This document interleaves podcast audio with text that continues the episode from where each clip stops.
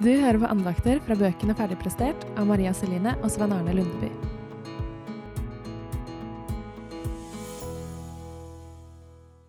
Onani. I tillegg til porno er onani en av de tingene som det er flaut, men viktig å snakke om. For min del var onani et stort problem i mange år, og det tok frimodigheten fra kristenlivet mitt. Hver gang noen snakka om synd eller ting som holder oss borte fra Gud, så var det onani som dukka opp i tankene mine. Og for mange er onani synden med stor S. Ordet onani stammer fra historien om Onan i Første Mosebok 38. Der står det at Onan lot sæden gå til spille på jorden, og at det var ondt i Herrens øyne. Men det er tydelig at det som var ondt, var at Onan nektet å sørge for at slekten ble ført videre. Denne teksten handler derfor ikke om det vi kaller onani i dag, og vi finner heller ikke noen andre tekster i Bibelen om onani og det bør gjøre oss ydmyke når vi snakker om det. Jeg tror ikke det er noe grunnlag i Bibelen for å si at det er galt i seg selv å skaffe seg seksuell utløsning. Gud har skapt oss med en seksualitet og en kropp vi kan utforske. Evnen til å bli opphissa og få seksuell utløsning er noe Gud har gitt oss, og det skal vi ikke skamme oss over. Samtidig viser Bibelen oss at seksualiteten vår handler om noe mer enn å oppnå orgasme. Den egentlige hensikten er å gi seg selv og sin egen kropp fullt og helt til en annen. I det lyset blir onani en selvsentrert greie som ikke treffer helt den hensikten Gud har gitt seksualiteten og kroppen vår.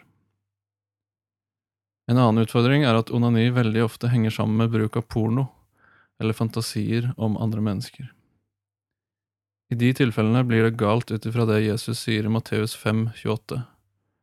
Den som ser på en kvinne for å begjære henne, har allerede begått ekteskapsbrudd med henne i sitt hjerte.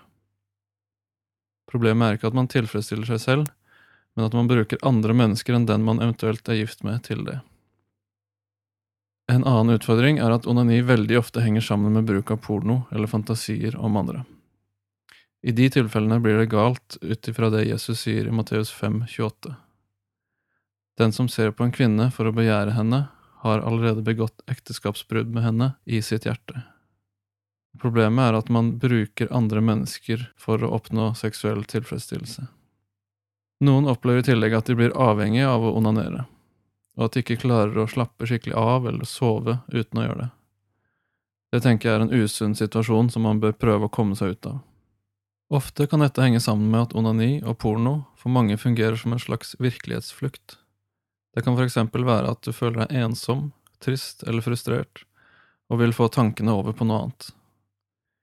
I så fall vil det være bra å prøve å ta tak i de tingene du flykter fra. Snakk om det som er vanskelig, med en voksen person som du stoler på.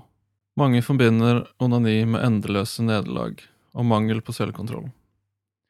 Etter hvert kan sånne følelser føre til selvforakt og tvil. Kan jeg være kristen når jeg sliter så tungt med dette? Ja, det kan du. For også disse tingene har Jesus gjort opp for på korset. Du skal få leve et nytt og hellig og rent liv i friheten som Han har kjøpt til deg, og glede deg over din egen kropp uten skam.